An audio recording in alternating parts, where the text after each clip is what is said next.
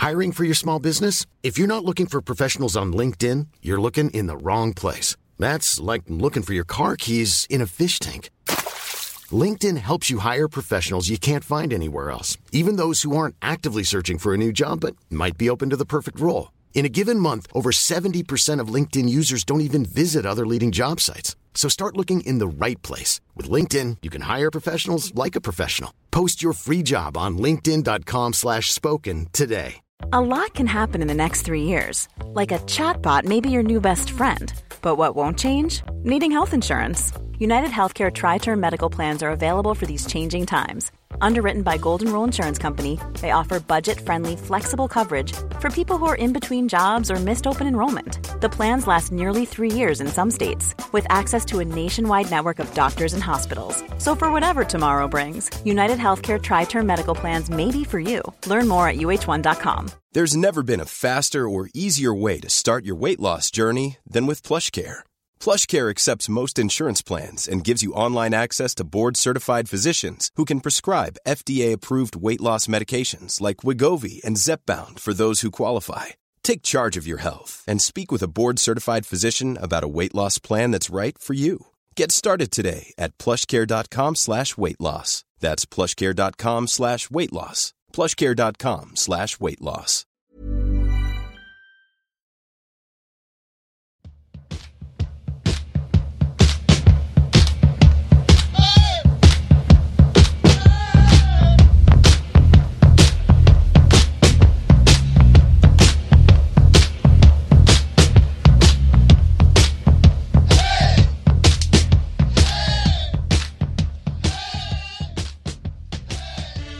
Hej och hallå! Ni är välkomna tillbaka till Poddplatson. Det är avsnitt 97 och som ni märker så är vi ett par dagar tidigare. För det är ju så här att vi har lite eh, log logistiska frågetecken eller vad man ska säga. Det vi har tid att göra saker.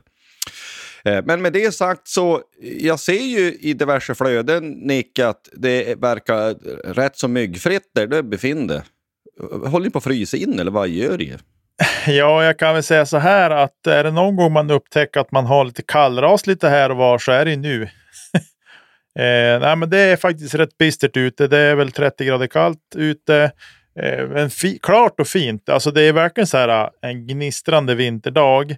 Man känner så här, åh vad helst skulle jag gå ut. Men jag har släppt ut hunden idag och det räckte. För han ville knappt gå ut själv.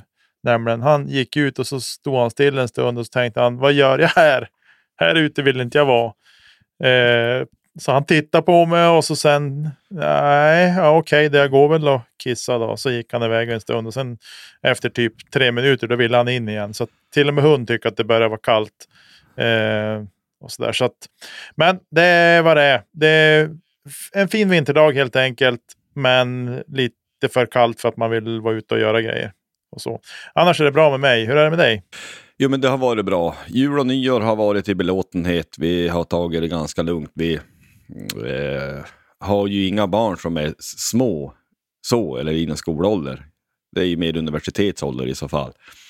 Eh, så att, ja, men vi har haft det väldigt bra var vägen sväng till huvudstaden under själva nyår och sen. Inget stök på det sättet att man har gjort en massa, utan vi har varit lugnt och stilla. I dagens avsnitt ska vi i alla fall prata om, det har ju spelats framförallt en match, eller det har ju spelats en match som vi ska prata ner. Vi ska prata upp kommande roadtrip nästa helg då, eller till helgen, fredag, lördag. Och så är det lite, eh, försöka knyta ihop en konklusion med den här statistiken vi har. Det har blivit som en långdragen historia det här, men, men runt hur läget är för Björklöven som vi uppfattar det. Vi ska nämna att Ladan har fyllt 60 år och så ska vi också gå en sväng i den övriga sportens värld. Så vi kör igång. Ja du, det var fredag och det var mer än 5000 som var på plats när nykomlingen Nybro kom på besök. Vi hade nämnt att den här matchen måste det bara bli tre poäng för att det överhuvudtaget ska finnas någon slags rimlighet i det här. Och så blev det ju inte, utan det blev noll poäng. Förlust 2-3. Och om man inte kan kalla det Björklöven är inne nu för en kris så kan man ju i min mening inte säga det någon gång överhuvudtaget. Det kanske är ett kraftigt uttryck att säga kris i det läge som världen befinner sig i övrigt. Men i sportens värld så, det här är illa. Det här är inte bra. Eh, vad är, vad är din upplevelse innan vi på något vis pratar mer detaljerat om själva matchen? Hur, hur känner du inför det här? Nej, men jag... Jag har väl... Jag har tidigare uttryckt lite grann som... Eh, man är ju egentligen en usel supporter, att jag liksom har gett upp den här säsongen lite grann. Men vi har kommit så långt in i säsongen så jag känner liksom att jag vet inte vad som ska kunna vända på det här eller vad få det här till att lyfta till några sorts höjder som gör att man känner åh vad bra Björklöven är och hej och hå hit och dit. Eh, jag tycker att det är frustrerande att med en sån stark trupp, sån skicklig trupp och som kan så mycket inte får ihop det. Eh, det är otroligt frustrerande och eh, jag, eh, jag vet inte riktigt vad jag känner. Jag känner att det uppehållet vi är i nu ger ändå någon sorts andrum och jag känner att ja, men det kanske kan hända någonting nu under det här uppehållet som vänder på det här. Men jag tycker inte att man har fått några som helst signaler av att det kommer att göra det. Eh, så att livet som Löven-supporter är för tillfället inte jättelätt eller jätteroligt. Eh, tycker jag personligen i alla fall. Det är väl så jag ser på det. Men jag tycker att det... Säg att det är en kris. Ja, eh, jag skulle säga att vi är någon sorts mellan, mellankris. Inte en kriskris, men heller inte bara något enkelt. Utan det är, vi är någon sorts... Vi är som mitt emellan riktiga botten och eh, normal nivå, ska jag väl säga. Alltså vi är en match ifrån att potentiellt ligga på nionde plats. Jag vet inte, om vi inte ska använda ordet kris, när ska vi använda det då? Ja, spelar roll. Vi, vi kan gå till själva matchen i alla fall. Det är som så många gånger för den här säsongen tycker jag att det är, sett till insats så är det inte helt oävet på ett sätt då egentligen. Men vad hjälpte det? Första perioden, vi skapar en del. Vi har ett par powerplay som kan resultera. Det är ju första PP med eh, Powell och Schilke och de här som tycker jag skapar en del och ställa upp. Andra PP har det generellt lite jobbigare. Men vi, vi levererar ju ingenting, eller vi producerar ju ingenting framåt. I absolut slutskede på första perioden så får de ett powerplay. Och jag minns att vi skrev till varandra att nu är det risk att det smäller det här powerplayet. För fram till dess så tycker jag inte att Nybro hade egentligen någonting överhuvudtaget.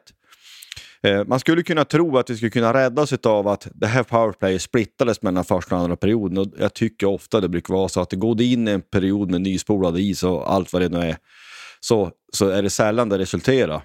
Men så var det ju inte, utan det smäller ju direkt i deras PP. Och det är ju Alexi Ainali, han... Jag tycker att det är ett fint powerplay-mål på något sätt. De gör det enkelt. Alltså inte simpelt utan enkelt i som att de inte krånglar till det. De, de spelar runt och sen så liksom nypan till när chansen fås och det är ett bra eh, avslut tycker jag. Så det är liksom ingenting att säga om. Vi har ju ett eh, powerplay till i den perioden då för att gå till, vara i andra perioden som då är resultatlöst. Och sen så gör ju de 0-2.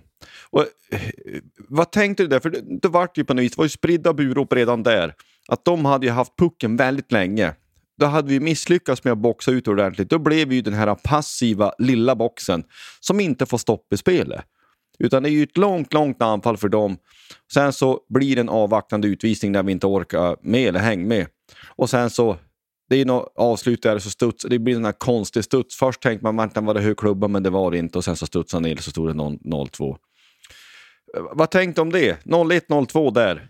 Nej, men första det är ett kliniskt avslut. Eh, det är väl liksom, som du säger, de, de gör det enkelt. De krånglar inte så mycket. Det är liksom, de söker inga svåra passningar eller, eller sådär, utan det är ett klint och bra avslut. Ett bra hockeymål helt enkelt. Och det är liksom, sådana kommer vi att få emot oss. Eh, andra målet, det är, det är ju andra perioden, det är längre till båset etc. Men jag tycker att det är det är så många andra gånger att vi liksom kan ha läge att slå ut pucken men vi, vi misslyckas. Eh, jag tycker att det, det finns så mycket yta att skicka ut pucken på. Men ändå så lyckas vi alltid skicka den på någon som står i vägen och kan liksom göra att vi inte vi får aldrig riktigt grepp om det och därmed blir tillbaka pressade. Eh, jag känner liksom, det är just de här sakerna som är så frustrerande. Eh, som, som vi var inne på förra veckan också, liksom säga, men arbetsinsatsen, de jobbar hårt. Eh, och så, men det är inte hårt på det sättet att vi får ut så mycket av det. Det är väldigt energiineffektivt. Eh, och det är ju frustrerande just nu och någonting är hur man ska komma åt det. Jag har inte svar på det, liksom hur man ska komma åt det, utan det är de som Eh, ja, men, tränarna och spelarna själva måste komma fram till vad ska vi göra för att komma åt de här problemen. Eh, men sen är det också så här. Ah, jag kände direkt att när jag såg att, att Dioro skulle stå. Först var det så här, men varför står han för? Men sen kröp det fram att det var en skada på Jona och det är, liksom, det är sånt som händer. Eh, tyvärr.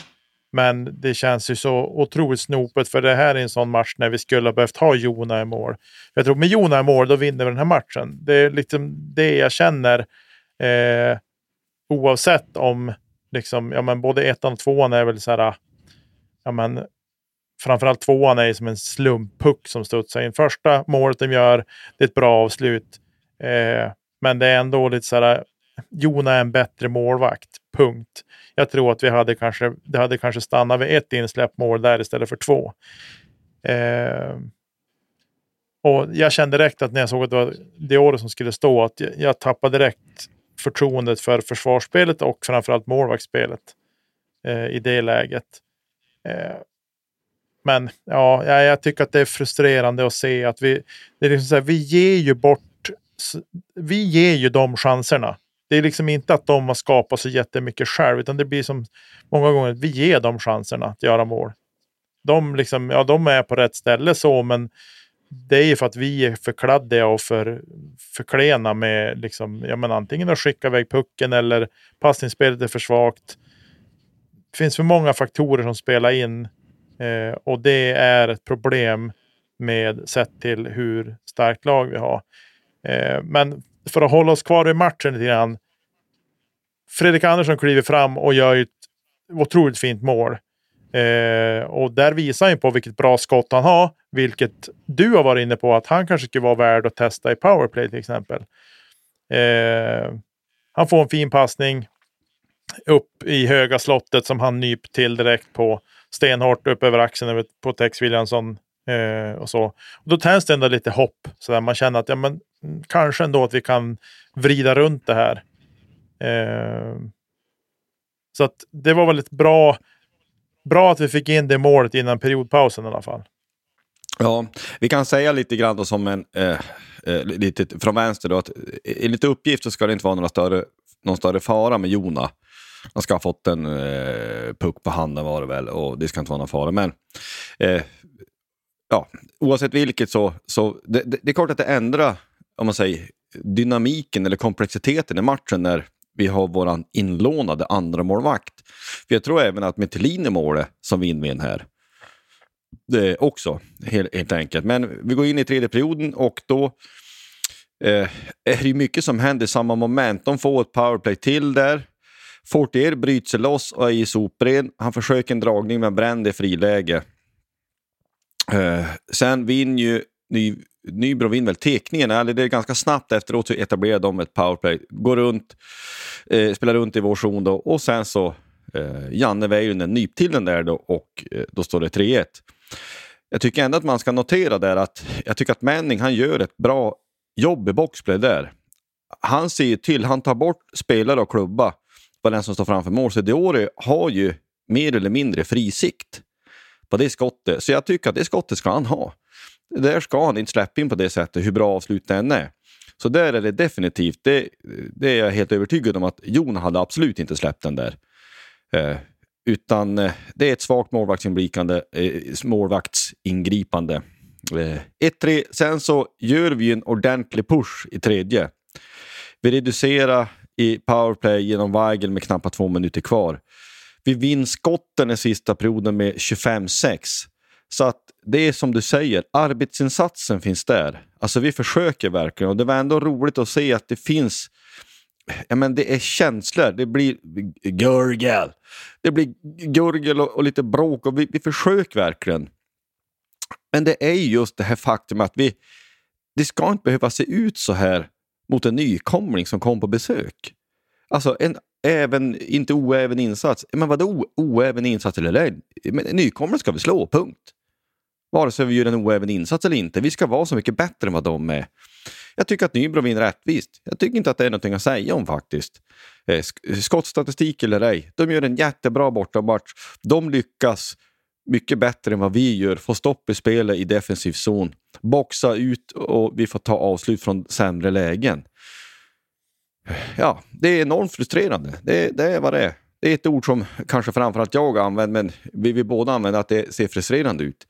Men vi har spelat 30 matcher och det ser ut som det gör. Ja, jag vet inte vad jag ska säga. Knyt ihop den här matchen du. Ja, men jag tycker det här med frustration, det tycker jag syns. Eh, vi ska inte ta någonting ifrån Nybros insats, men man ser ju där liksom att de har mycket skottäck. I vårt powerplay så försöker Powell skjuta två eller tre gånger som han skjuter och det sitt, skotten sitter i täck. Eh, och varav då i alla fall två av de där skotterna så upplever jag att, ja men hallå Paul, varför skjuter du för? Han sitter ju där långt innan pucken ens är hos det. Någon gång så fick du, liksom, höll du i pucken och var det ändå att skjuta när det sitter en spelare tre meter framför det. Eh, jag tycker att en sån smart spelare, han gör inte det där om det är harmoni i spelet och att saker och ting är på sin plats och att det stämmer. Eh, han är tillräckligt smart för att liksom i det där läget, nej men jag har inte läge att skjuta här, jag skjuter inte nu. Antingen så gör han en dragning och tar ett steg inåt i banan eller utåt i banan beroende på eh, vad han anser vara bäst och nyper vägen handledare istället. Men det är liksom skott som sitter i täck som man har sett långt innan att här kommer det att sitta en spelare i vägen när skottet ska gå. Det håller inte. Alltså det, och det här är ju en sån sak som kommer utifrån frustration hos spelarna också. Eh, jag vill minnas att jag skrev att det kommer att bli ett matchstraff i den här matchen eh, också på grund av att domarnivån, vi ska inte skylla någonting på domarna, men det var vissa saker som var lite tveksamma. Eh, och man såg framförallt att att Schilke vart frustrerad också emellanåt. Och det var det jag kände att det kom att smälla. Någon kom att göra någonting tokigt i den här matchen som gör att vi får ett matchstraff emot oss. Eh, och det är ju mycket på grund av den egna frustrationen som, som finns. Eh, och jag hoppas ju innerligt att det är bara frustration hos oss supportrar som tycker att det ser käpprätt åt skogen ut och att vi kan inte hockey på samma sätt som spelarna och ledarna kan och så vidare. Men jag tycker att det här är, det är någonting annat som inte står liksom rätt till. Och jag tycker som sagt var, tittar vi liksom på fredagsmatcher hemma i december så har vi förlorat alla tre. Eh, och det är ju inte mot Brynäs, Djurgården och Södertälje vi förlorar. Det är Tingsryd, det är Karlskoga och det är Nybro jag tycker att det är någonting som är allvarligt fel i det att vi förlorar de hemmamatcherna. Och det är dessutom noll poäng om jag inte minns fel. Och då, då är vi tillbaka. Jo, det är det väl. Och då ska vi vara tillbaka. Vi, vi tar ingenting från våra motståndare. För vi, man ska ha respekt för allt motstånd. Men fortfarande, vi ska ju inte heller stå med mössa hand och lägga oss platt och säga att Karlskoga är så bra så det är därför vi förlorar. Alltså liksom skärpning, så, så ska det inte behöva vara. Jag håller med dig. Eh, nej, det här... Eh, någonting måste hända. Vi kan notera också innan vi, vi knyter upp den här matchen att mm, just det med domarnivån eller vad det nu må vara. Pole han fick sig en 20 minut misskontakt när matchen var slut. Han ville väl berätta någonting för någon domare får man väl anta. Ja, du ser, då kom den där ändå. eh, men inte under matchen, så det, vi vart liksom inte drabbade av det på så vis. Men, men, eh, men ändå. Men det är som sagt, det är Eh, det är ju heller inte bra, tycker jag, att vi, att vi har hamnat i den sitsen att det börjar komma liksom burop från läktaren. Men jag förstår. Alltså jag, jag, jag säger inte att det är fel för överhuvudtaget. Det hör sporten till. När resultaten inte kommer eh, så hör det till och jag tycker att det är bra att det markeras på så vis från supporterhåll också att det här är inte okej. Okay. Eh, och det är enormt frustrerande tycker jag. med hur det har sett ut. Och jag menar, det har pratats mycket om att ja, men, i vår hemmaborg ska vi vara så starka och det är fredag kväll och det är mycket folk och liksom, nu är det hemvändarmatch och så vidare och så vidare. Liksom säger, ja, men visa det då. Då måste det synas också. Och jag tycker att det är, det är svårt att sätta fingret på exakt vad det är. Eh, men jag tror att det handlar väldigt mycket om att det, det, är någon, det är någonting som inte stämmer i gruppen. Vad det är, kan inte sätta fingret på. Vi kommer att prata om det längre fram också. Eh, men eh, det, här är, det, det, här är för dåligt. Det är tyvärr. Det, det tar emot att säga det. Jag ska säga det. Det tar emot att säga det, men det här är för dåligt. De här resultaten som vi har radat upp nu i 15 matcher, det är för dåligt och det duger inte.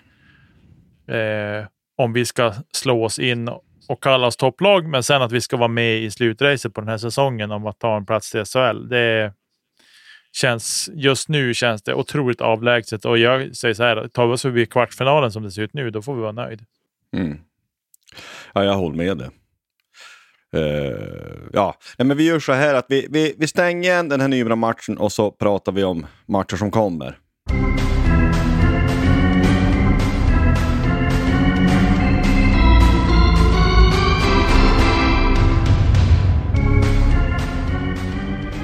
Ja, det blir en roadtrip fredag, lördag. AIK och Västerås ska avhandlas för Björklövens del. Eh, och du ska åka dit, Josef, tillsammans med Gustav, en kompis till oss och lika kusin till dig ska sägas. Eh, så vad, vad har du för tankar inför det? Ja, alltså eh, även om det ser inget vidare ut så är det ju kul att gå på match. Alltså, det kommer man ju inte ifrån. Men det vi är inne på nu, vi ska ju säga då att det här, det är tisdag när vi spelar in det här. Så att vi har ju en, ett matchuppehåll på en vecka. Och jag, jag skulle vilja påstå att det som händer den här veckan, det är ganska viktigt för vad som kommer liksom, på något vis ut, för, för utkomsten av den här säsongen. Eh, vi, vi, kan säga att idag så var det få på träningen. Det var sju inklusive målvakt om jag förstått det här rätt. Och, och jag vet inte vad det beror på, men det, ja, det verkar vara så i alla fall. Eh, ofta har det brukat vara så att man tränar lite hårdare, så det var kanske var några som körde stenhårt på gymmet istället. Det vet vi inte. Men det finns ju ingenting som tyder på att vi överhuvudtaget ska Alltså tyvärr är det så. Alltså, det, det luktar ju noll poäng de här två. Om det fortsätter som det har gjort hittills så gör det så. Men vi, vi behöver bara gå några matcher tillbaka i tiden. När vi var i Södertälje borta och gjorde en av de bättre bortamatcherna på hela säsongen. Det är inte alls länge sedan. Men eh, sett till att både AIK och Västerås är ju... Eh, ja, men nu, nuläget så är de bättre än vad vi är. Det, det, är ju, det är ju bara vad det är. Så på det sättet så är ju vi underdogs. Vi ska inte behöva vara underdogs i en, en sån här match. Men, men sett till eh, hur det ser ut så AIK är klart för oss i tabellen och Västerås har samma poäng som vi fast en match mindre spelad. Uh, ja, jag vet inte. Som du sa, vi, vi har förlorat matcher mot förment sämre lag på hemmaplan, men bortaplan kanske passar oss bättre. På ett sätt så passar ju, nu när det är gnissel och friktion, så en liten roadtrip där du kan få vara ihop gruppen och laget kan ju tajta ihop vem som helst. Men ja, ja, känslan är ju inte god vad det gäller resultaten i de här matcherna. Det gör det ju inte. Men vad som händer, det är flera dagar tills de här matcherna spelas och det kan ju hända saker i veckan. Eller synd och sist så hoppas i alla fall jag att det kommer att göra det. Så vi kanske kan knyta ihop det. Vi, vi, vi, vi, vi går in i ett segment nu där det var en intervju med Viktor Stråle vår huvudtränare i, eh, på sajten Hockey News.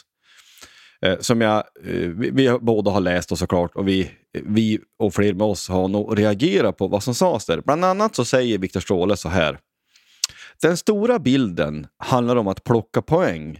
Men vi måste ändå titta på prestationen eftersom det är den som ger oss poäng över tid. Det handlar om både underliggande statistik och hårda fakta. Och kollar man på det så ser man att vi släpper till näst minst chanser i det inre slottet. Och vi har fått ner våra expected goals mot oss med 0,45 per match de senaste 15 matcherna om man jämför med de första 15. Samtidigt som vi har kvar vår offensiv. Och nästan blivit lite bättre offensivt om man ska vara riktigt detaljerad, säger Björklövens tränare Viktor Stråde. Och direkt jag läste det här så blir jag ju nästan provocerad. Eller jag blir inte nästan, jag, jag blir provocerad. Eh, vi måste titta på prestationen eftersom det är den som ger oss poäng över tid. Nej, det är att ta poäng som tar poäng över tid. Vi måste vinna matcher som ger poäng över tid. Det är bara det som hjälper. Underliggande statistik i all ära. Och vi ska gå in på lite statistik här, för vi har spelat 30 matcher. Stråle själv delar upp det i de 15 första matcherna och de 15 senaste matcherna. Så vi kan ju fundera då på vad har hänt de här 30 matcherna? Vi har varit inne på det här två avsnitt förut. Det här är tredje avsnittet vi berör det här och vi kan inte lova att vi inte kommer att rabbla mer statistik, men när vi läser det här så kan man inte låta bli. Den statistik som är överlägset viktigaste av all annan statistik, det är poäng. Vi spelar om poäng. Allting går ut på att ta poäng i den här sporten. Vinna matcher och ta poäng. De första 15 matcherna så har vi tagit 32 poäng i Hockeyallsvenskan 2023-2024. 32 poäng, det ger 2,13 poäng per match. Det är bra siffror det. Ett sånt snitt skulle ha gett oss en bit över 100 poäng sett över säsongen och med det så är det stor chans att man vinner serien. De 15 senaste matcherna, då har vi tagit 17 poäng. Det är 1,13 poäng per match. Så riktningen är ungefär 180 grader fel vad det gäller poängen. Vi har tagit en hel poäng mindre per match de 15 senaste jämfört med de 15 första. Och det är den överlägset som sagt viktigaste statistiken som finns.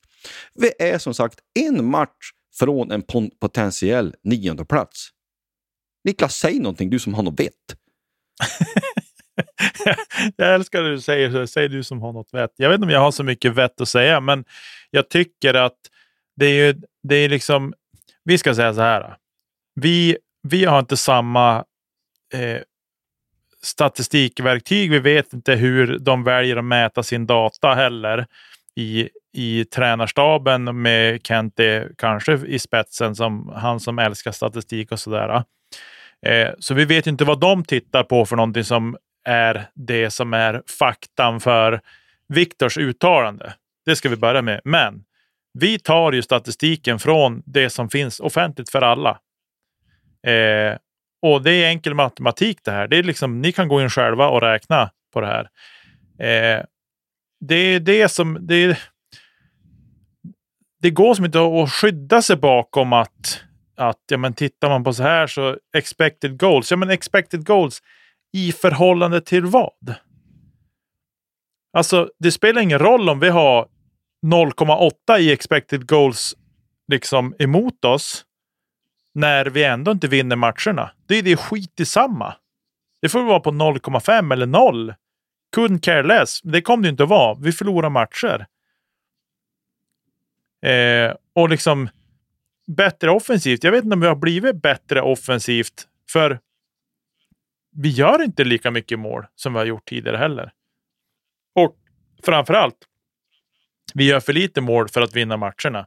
Och det här, de här två sakerna, det är ett problem i sig att vi inte kommer dit. Och jag menar, hårda fakta, det är att 15 första matcherna 32 poäng, 15 senaste 17 poäng. Det är hårda fakta. Det är 15 poängs skillnad.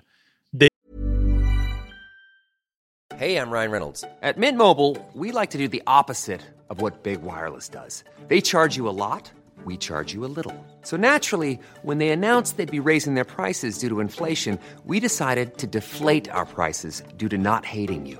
That's right. We're cutting the price of Mint Unlimited from $30 a month to just $15 a month. Give it a try at mintmobile.com slash switch. $45 upfront for three months plus taxes and fees. Promote for new customers for limited time. Unlimited more than 40 gigabytes per month. Slows. Full terms at mintmobile.com. Hiring for your small business? If you're not looking for professionals on LinkedIn, you're looking in the wrong place. That's like looking for your car keys in a fish tank. LinkedIn helps you hire professionals you can't find anywhere else, even those who aren't actively searching for a new job but might be open to the perfect role. In a given month, over 70% of LinkedIn users don't even visit other leading job sites. So start looking in the right place. With LinkedIn, you can hire professionals like a professional. Post your free job on linkedin.com slash spoken today. Det är ingenting som man kan ducka undan. Det är fem segrar. Eh, det liksom, det är, nej, det går inte att ducka undan den skillnaden. Eh, och det är den som är den viktiga. Eh, det får vi se hur bra ut som helst. För jag menar, vi vinner ju inte matcher heller. Det vore en sak om vi tog en, eller säg att vi säger tog massor med tvåpoängare. Alltså vi vann matchen ändå till slut. Det hade jag kunnat köpa på något sätt utan ja, men vi, vi vinner ju ändå matchen till slut. För i slutspelet, då handlar det om att vinna matcherna. Punkt. Då är poäng helt o, liksom, relevant. Men vi vinner ju inte ens då vi går och tar matchen till övertid. Då förlorar vi också. Eh, så att, äh, jag tycker att det här... Eh, man vill ju sitta ner och få det förklarat för sig, typ i snudd på en powerpoint för att begripa vad det är som gör att jag ska känna att åh, vilket stort förtroende jag får för ett sånt där uttalande. Men som sagt, tittar man på den hårda faktan kring poängen så går vi åt helt fel håll eh, sett till vilken målsättningen är för säsongen. Och det handlar ändå om att göra resan framåt så lätt och så bra som möjligt.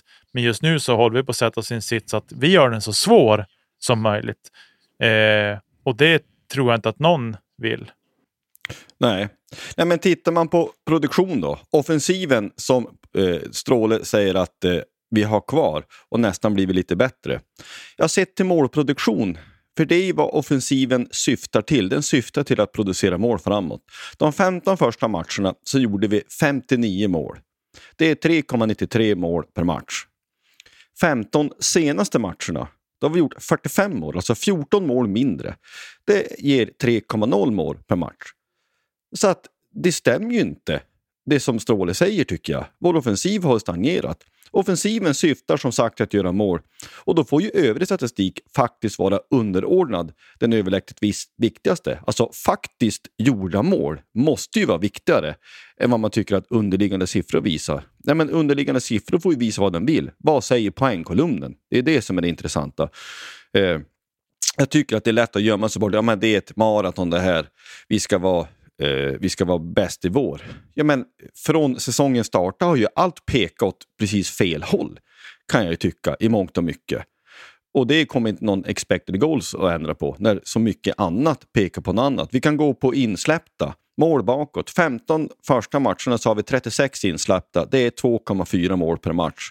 15 senaste matcherna, det är 45 insläppta. Det är 9 mål fler. Det är 3,0 mål per match. Och då har Jona ändå hållit en nolla hemma mot AIK. Så när han nu säger expected goals against, vad är viktigare? Är det förväntade mål bakåt eller faktiskt insläppta mål? Jag vill faktiskt säga att det senare måste ju vara viktigare.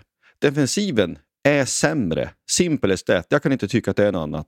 Och jag kan faktiskt dra det till sin spets och tycka att det är lite manipulativt att dra upp någon enstaka statistik som kan tala till fördel för sin poäng och inte beröra de viktigaste aspekterna som handlar om mål och poäng.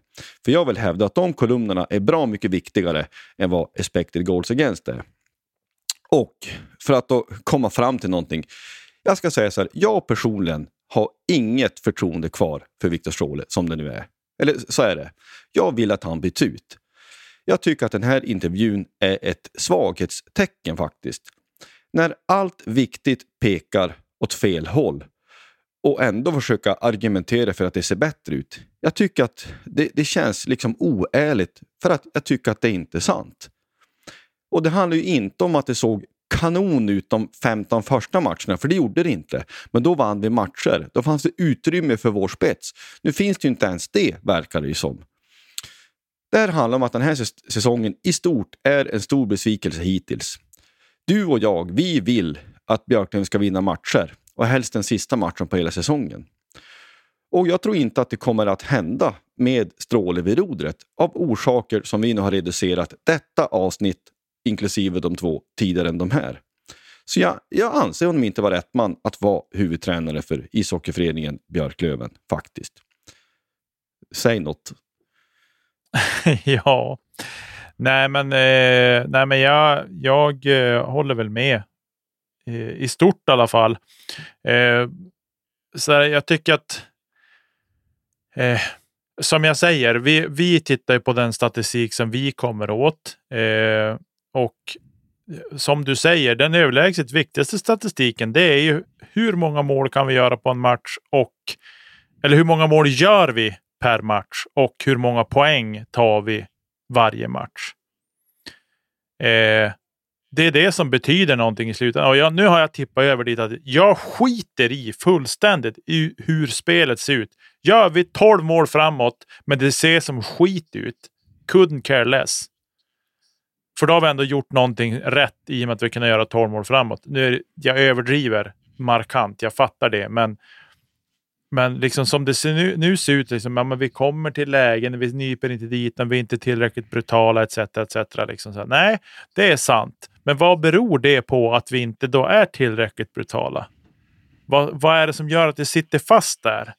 Är det spelarnas kompetens? Nej, det ska jag inte säga att det är, för de, vi har ett otroligt kompetent lag. Eh, är det andra saker som ligger till grund för, som ligger och gnager som gör att spelaren inte presterar tillräckligt bra för att, för att människan inte mår tillräckligt bra? Det är någonting som spelar roll. Eh, vi har alltid pratat om, eh, och det gäller fortfarande, kommer alltid gälla att människa först, spelare, tränare sen. Eller ledare sen. Eh, och Man kan också tycka att ja, de här två, det hänger ihop. Det är en identitet. Ja, absolut, så är det. Men jag har ingenting ont mot Viktor Stråle som människa och som person så.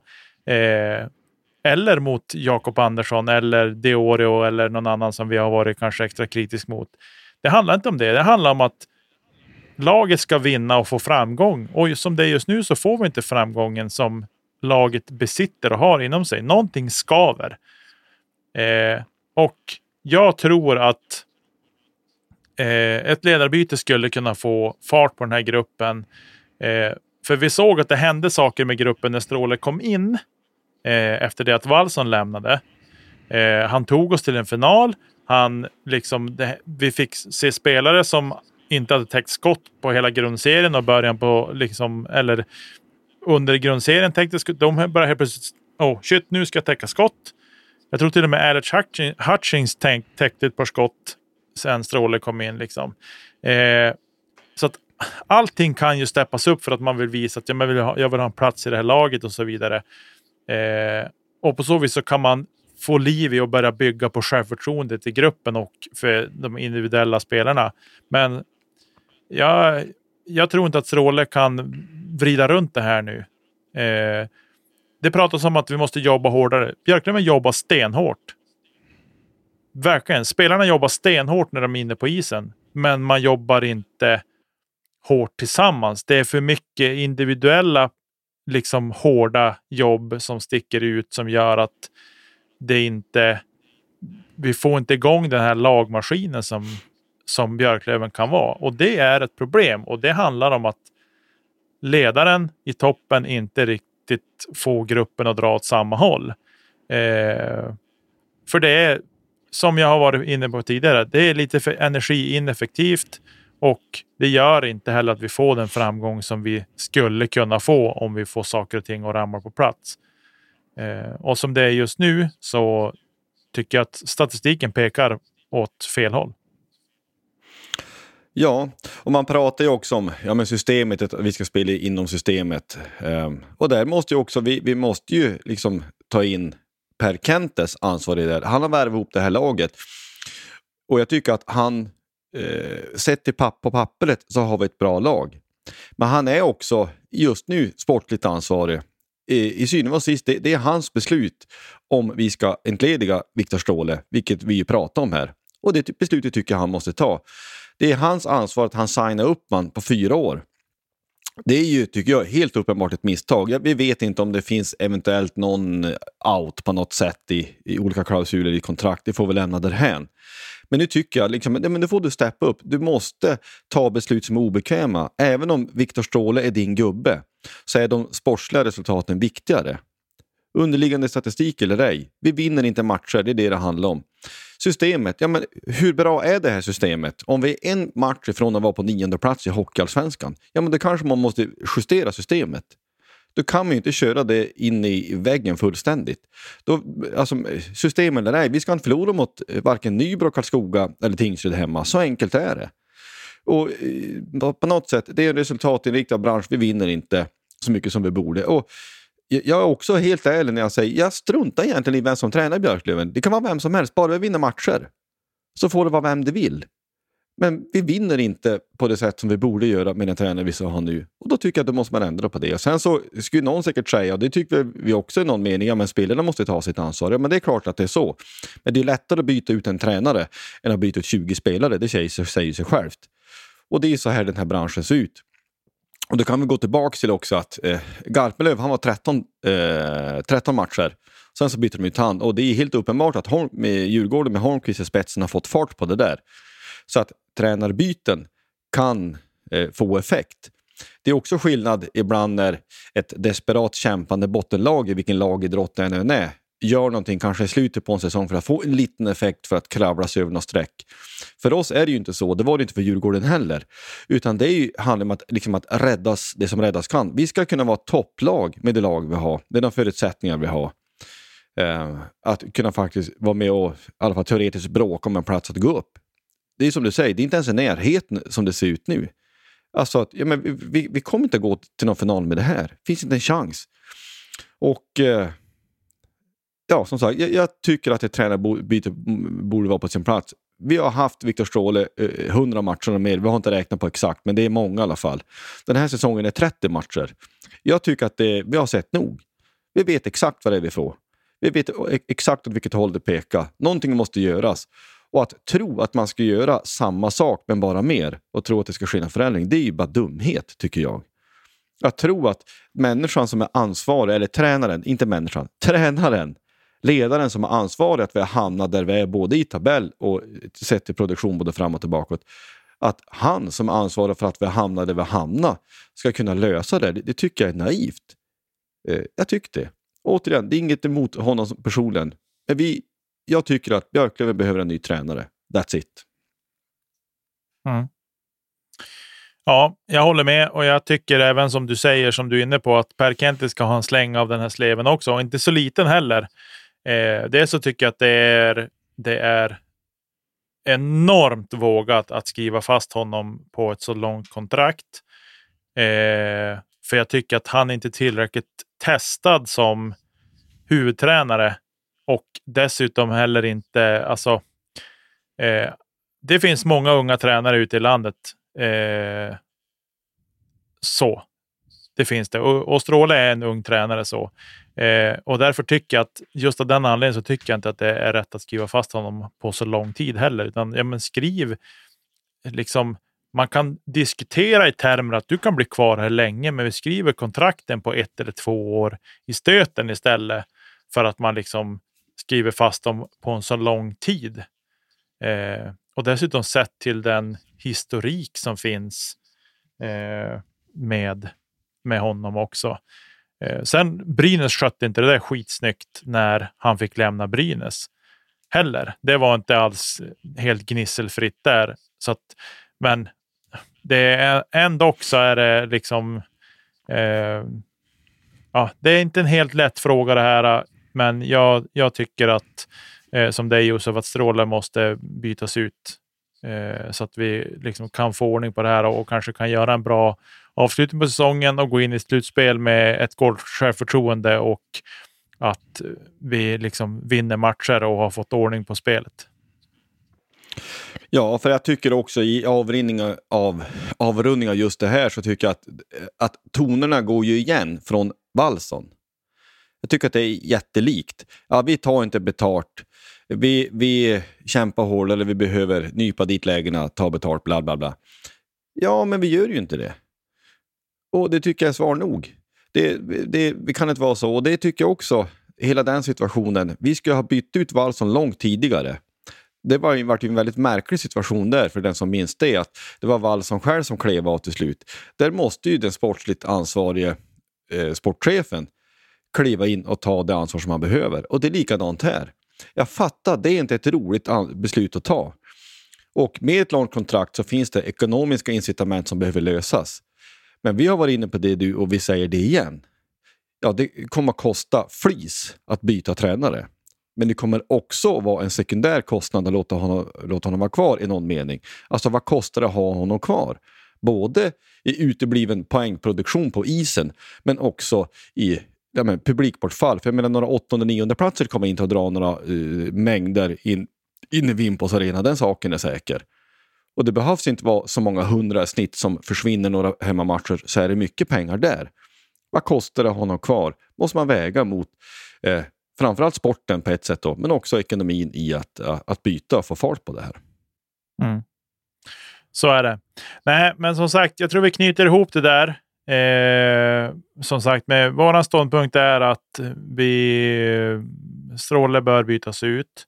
Jag tycker att vi har tillräckligt mycket statistik som pekar på att eh, poängen och målproduktionen måste upp. Eh, och att det har gått åt fel håll efter 15 första matcherna när spelet inte såg bra ut. Eh, för det gjorde det inte, eh, som du har varit inne på. Och eh, ja, så jag tänker att vi knyter ihop det där. Vi lämnar det segmentet och så eh, går vi vidare helt enkelt. Umeå ishall, Ladan på Teg, Vimpos Arena, Skycom Arena, eh, A3 Arena. Den har haft många namn. Ladan i alla fall, 60 år har den hunnit fylla nu här i december. Vad har du för känslor kring det? Jajamän. Ja, men det, man gjorde ju en, eh, eh vad ska jag säga, en, en snygg manöver från, eh, från kortsidan. Ladan, 60 år av magi och haveri. Den meningen sammanfattar väl ungefär exakt vad vi pratar om här. Det är 60 år, både magi och haveri och allt däremellan. Så är det. Men, eh, den eh, första matchen spelades 1 december 1963 kan man läsa sig till. Ehm, det är ju en viss historia varför den hamnar på Teg. Tydligen var det så att men, Teg var ju till och med en egen kommun, eller en egen kommundel på något sätt. Ja, Umeå var ju organiserat på eh, annorlunda. Så att tanken var väl runt sporthallen någonstans att det skulle finnas något konstfruset. På 60-talet var ju det någonting unikt, någon ny teknik som var helt fantastisk. Och man ska ju inte tro att när då sen den här ishallen byggdes att det var fint med, med loger och man kan dricka kaffe och äta massarin.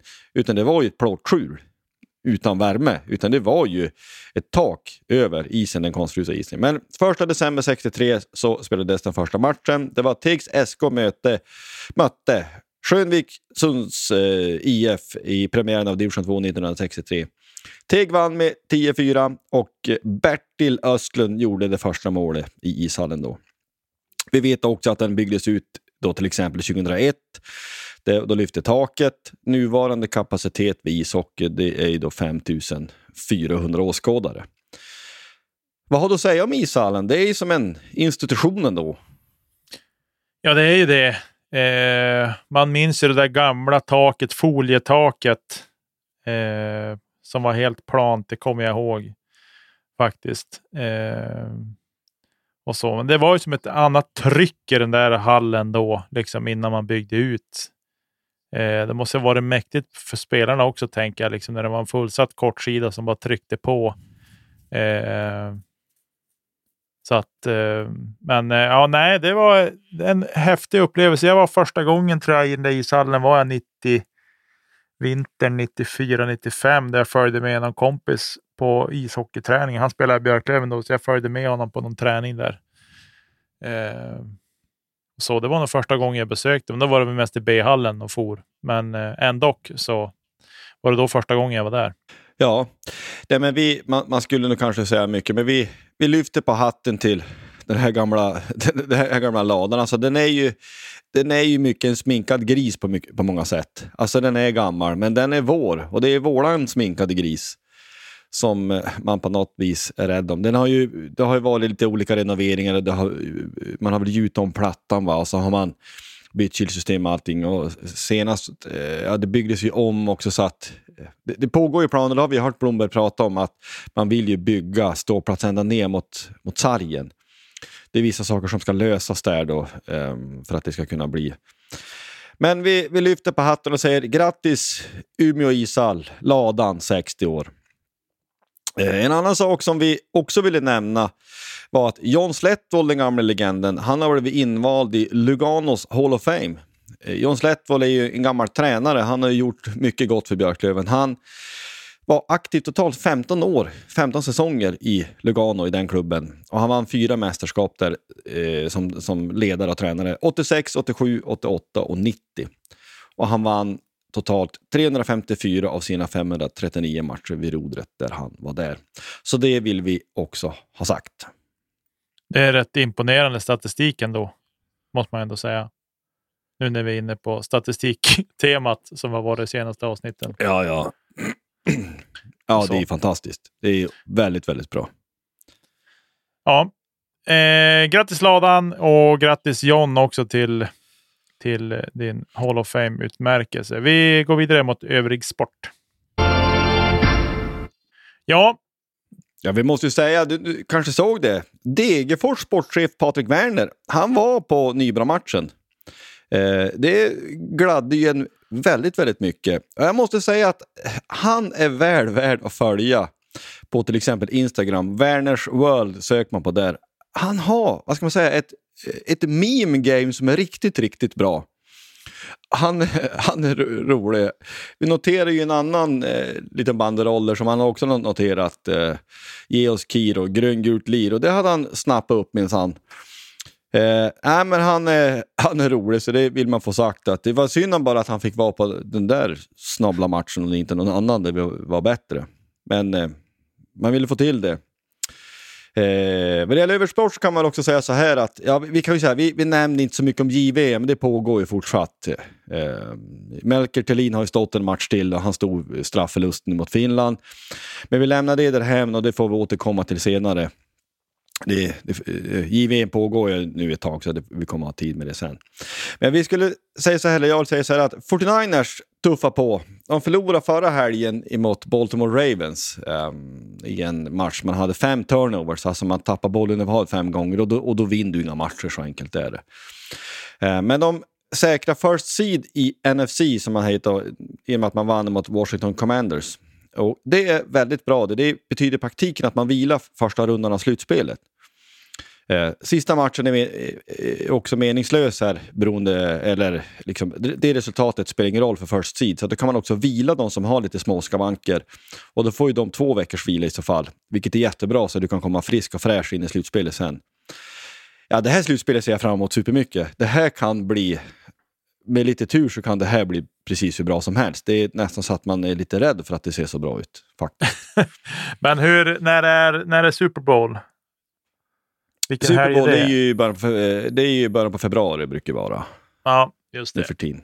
Där någonstans. Jag borde väl, det, ja, prata på det så kan jag väl googla upp det, men det brukar vara så. Det, den ska gå i Las Vegas i alla fall. Just det. Ja, nej, men det brukar ju vara en, ett event av sällan skådad eh, nej, men art. Det är ju ett häftigt... Jag brukar faktiskt...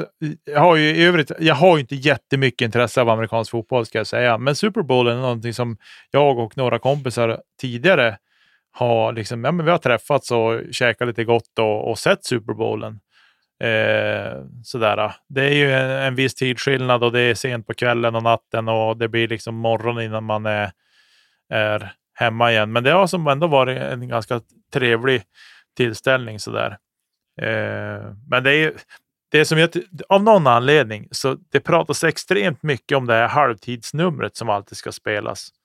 Eh, om vilken artist det är som får ha en liten show där i, jag vet inte vad det är, 20 minuter eller någonting eh, i halvtid. Eh, och sen en annan sak som det också brukar pratas väldigt mycket om, bortsett från just själva matchen, det är ju vad det kostar att ha tv-reklam under Super Bowl. Det är också några hiskeliga summor pengar som, som rullar runt där. Eh, men har du fått fram något datum för Super Bowlen? Eller? Ja, nej, men det är 11, det är söndag 11 februari. Just det. Nej, men jag håller med dig, det, det är Usher som ska vara halftime performance den här säsongen. Jag hatar ju det.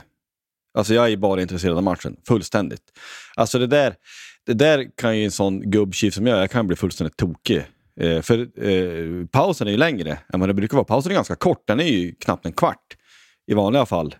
Och sen så ska den där scenen, den där skiten dras ner, men ge mig, ge mig kick-off för tusan. Alltså, jag, nej, jag gillar inte alls eh, det där och att... Eh, alltså, jag har ju ett stort intresse av 49ers. Alltså, jag minns ju knappt när jag missade en match med 49ers senast. Det är ju över tio år sedan. Alltså jag ser ju alla matcher med dem, inklusive träningsmatcher och allting. Alltså jag följer dem ganska nära. Så det är ju, ja, för mig, sporten, det viktigaste. Så att jag, jag har sett med några andra någon gång, men jag, jag ser ju de här själv i regel. Just därför jag klarar inte av liksom människor jag, jag, jag, förstår hur otroligt gubbsur jag låter. Men liksom, du ska se matcher, inte minst i Sverige, där folk inte är intresserade av sporten alls nästan. Och knappt har sett en match och knappt vet hur sporten går till. Och sen så ska man sitta där och försöka förklara för dem och bli superirriterad. att det där är ingen holding, tycker inte jag. Det går inte. Utan jag ser det här själv. Och skulle det vara så att eh, Fortinanders med lite tur går dit, då kommer man ju vara så uppe i varv och så fullständigt fokuserad, så då vill man ju ha en människa i närheten utav sig. Så enkelt är det ju. Ja.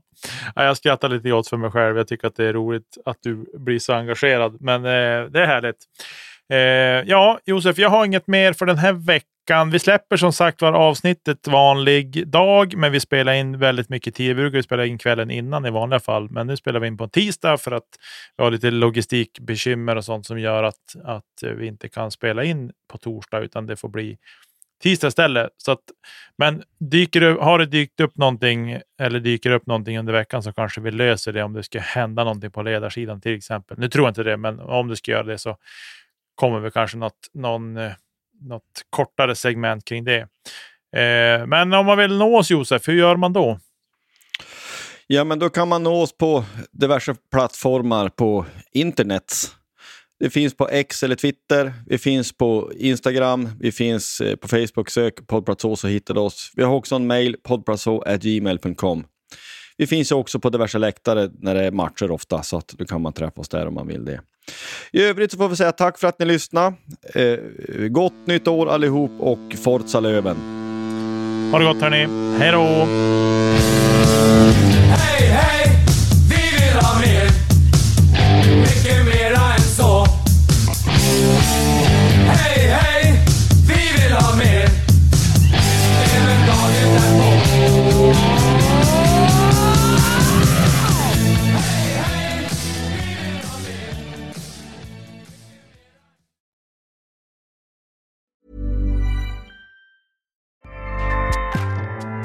ACAST powers the world's best podcasts.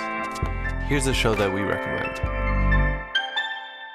The Real Housewives is a guilty pleasure for most, but if you're looking to not feel guilty about that pleasure, tune in to Everything Iconic with me, Danny Pellegrino, where I break down all the messy moments and behind the scenes antics of Bravo's popular franchise. And on Everything Iconic, I also interview celebrity guests like Kelly Ripa, Kiki Palmer, Drew Barrymore, Cameron Diaz, and more about their guilty pleasures, their past work, and so much more. So if you're pop culture obsessed and find yourself watching way too much reality TV like me, tune in to Everything Iconic with Danny Pellegrino wherever you listen to podcasts. ACAST helps creators launch, grow, and monetize their podcasts everywhere. ACAST.com.